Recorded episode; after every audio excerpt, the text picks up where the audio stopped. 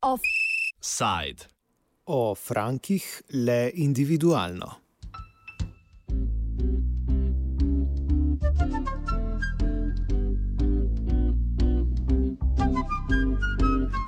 Tokratni offside posvečamo predlogu zakona o razmerjih med dajalci kreditov in kreditojemalci glede kreditov v švicarskih frankih. Zakon je v sodelovanju z Inštitutom za ustavno pravo pripravilo Združenje Frank in je trenutno na mizah poslanskih skupin, ki se odločajo o podpori zakonu.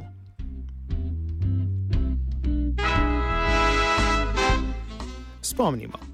Kreditojemalci, ki so najeli kredit v frankih, so se pred leti znašli v težavah zaradi spremembe tečajnega razmerja med evrom in frankom.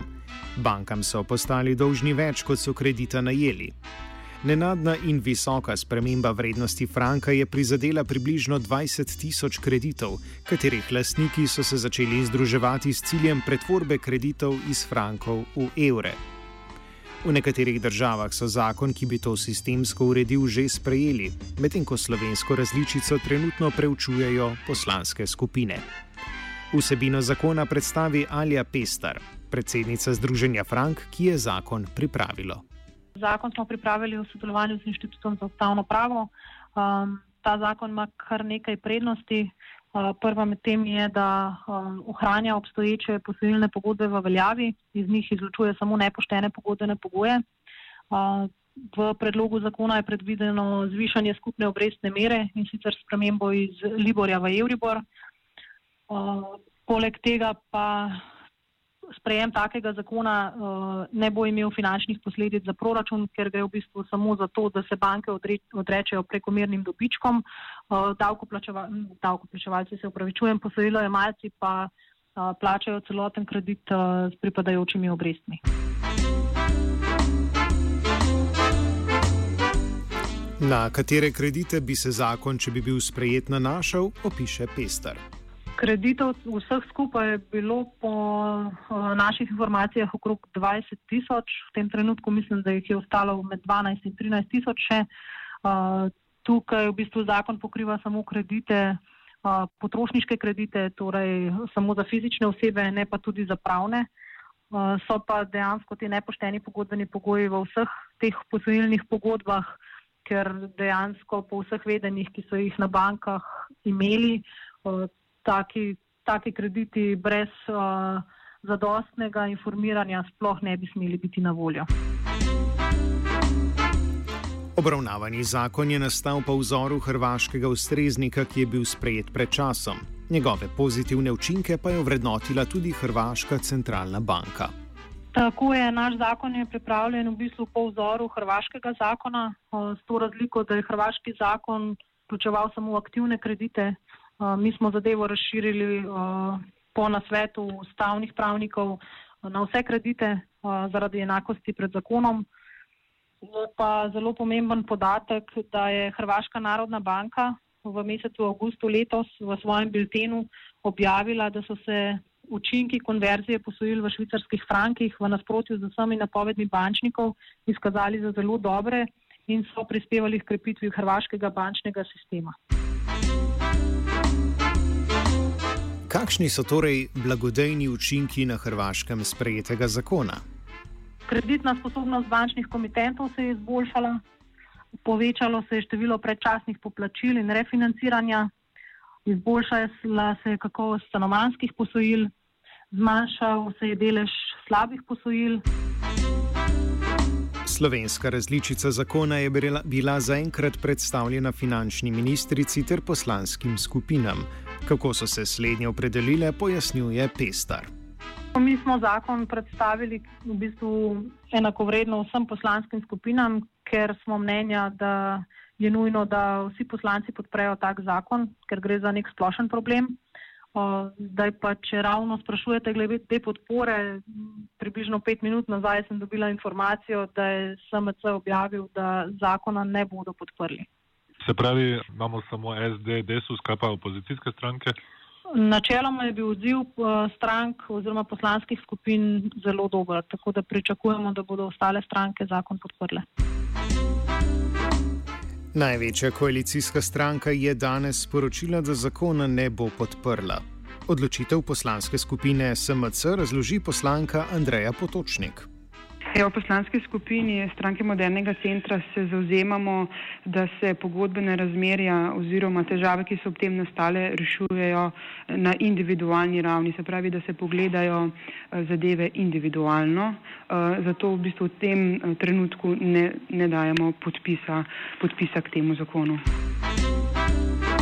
In utemeljitev ja, jaz sem prepričana, da v vseh bankah niso bile enake prakse, ker v bistvu predlog zakona um, predlaga, da se, vse, da se pač vsi krediti obravnavajo na enaki ravni. Morate se zavedati, da so bili te krediti najeti tako za, um, za, za stanovanja oziroma hiše, se pravi za eksistenco posameznika, eh, zadej je tudi zastavna pravica, kot tudi lahko kot kredit najede špekulacijo, se pravi, da so stranke najemale kredit uh, za nakup recimo delnic.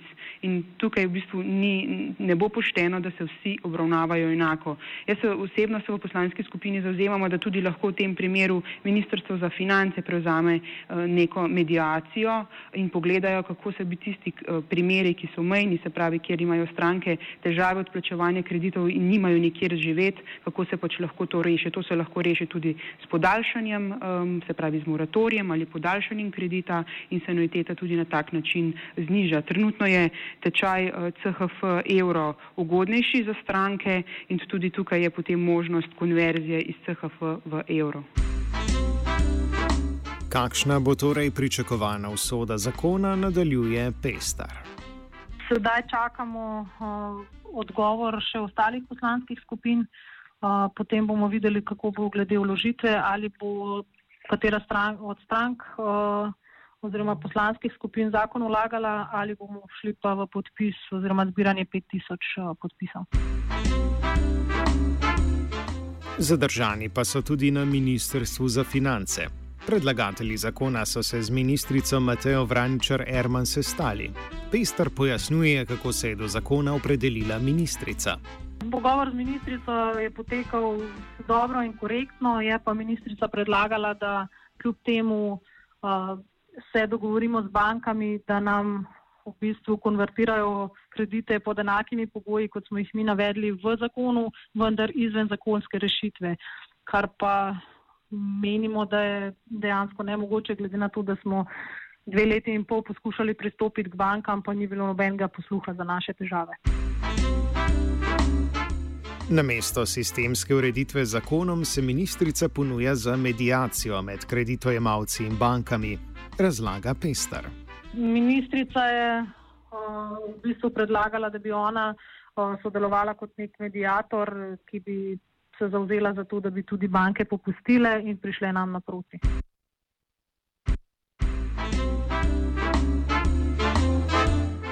V luči prejomenjenih ugotovitev Hrvaške centralne banke o pozitivnih učinkih zakona na celoten bančni sistem se postavlja vprašanje, če odločevalci poznajo hrvaški primer, ki prav tako ni šel v tehtanje individualnih primerov, temveč je sistemsko uredil problem kreditov v frankih. Medtem ko ministrice tega nismo imeli priložnosti vprašati, pa je poslanka SMC Andreja Potočnik odgovorila, da. Konkretno osebno s tem poročilom eh, nisem bila seznanjena, je pa potrebno, ko govorimo o pozitivnih učinkih, pogledati eh, na vse strani, se pravi pozitivne učinke potrošnika, pozitivni učinki eh, kreditodajalca in je na zadnje pozitivni ali negativni učinki na sam proračun. Ne želim si, da bi postala praksa v Sloveniji, da bi iz nekih pogodbenih razmeri, ki nastanejo in ko pač pride do nekega nestrinjanja, sprejemali potem posamezne zakone, ki bi na koncu lahko tudi uh, bremenile davkoplačevalski uh, denar za, za, zaradi samo ene določene manjše skupine ljudi. Sta se pa v slovenskem in evropskem prostoru nedavno odvili dve pomembni sodbi, ki znata pozitivno vplivati na položaj kreditojemalcev v primeru posojil v frankih. Pozitivno se je namreč končala prva sodba višjega sodišča v zadevi švicarski franki. Pestar. Ta sodba uh, ni pravnomočna, uh, kolikor mi je znano, se je banka pritožila. Uh, prvostopenska sodba tudi ni zavezujoča za ostala sodišča, je pa zagotovo pomemben premik, ki dokazuje, da so tudi sodniki uh, pripravljeni uh, v bistvu se v zadevo poglobiti in dejansko preučiti vse dokaze in ozadja, ki so se dogajali pri prodaji teh kreditov. Prav tako se je na stran kreditojemalcev v frankih postavilo sodišče Evropske unije, katerega glavna ugotovitev je, da za veljavnost kredita ni bila dovolj izjava kreditojemalca o strinjanju s tveganji, ki izhajajo iz kredita v švicarskih frankih. V sodbi je navedeno, da nikakor ni dovolj le izjava o strinjanju s tveganji, ki izhajajo iz kredita v švicarskih frankih. To je v bistvu vključeni argument, ki ga imajo banke na sodiščih, da smo podpisali da se s tveganjem uh, strinjamo in ga v celoti prevzemamo. Uh, je pa ta sodba v bistvu za nas v tem trenutku najbolj pomembna, ker je zavezujoča tudi za naša sodišča.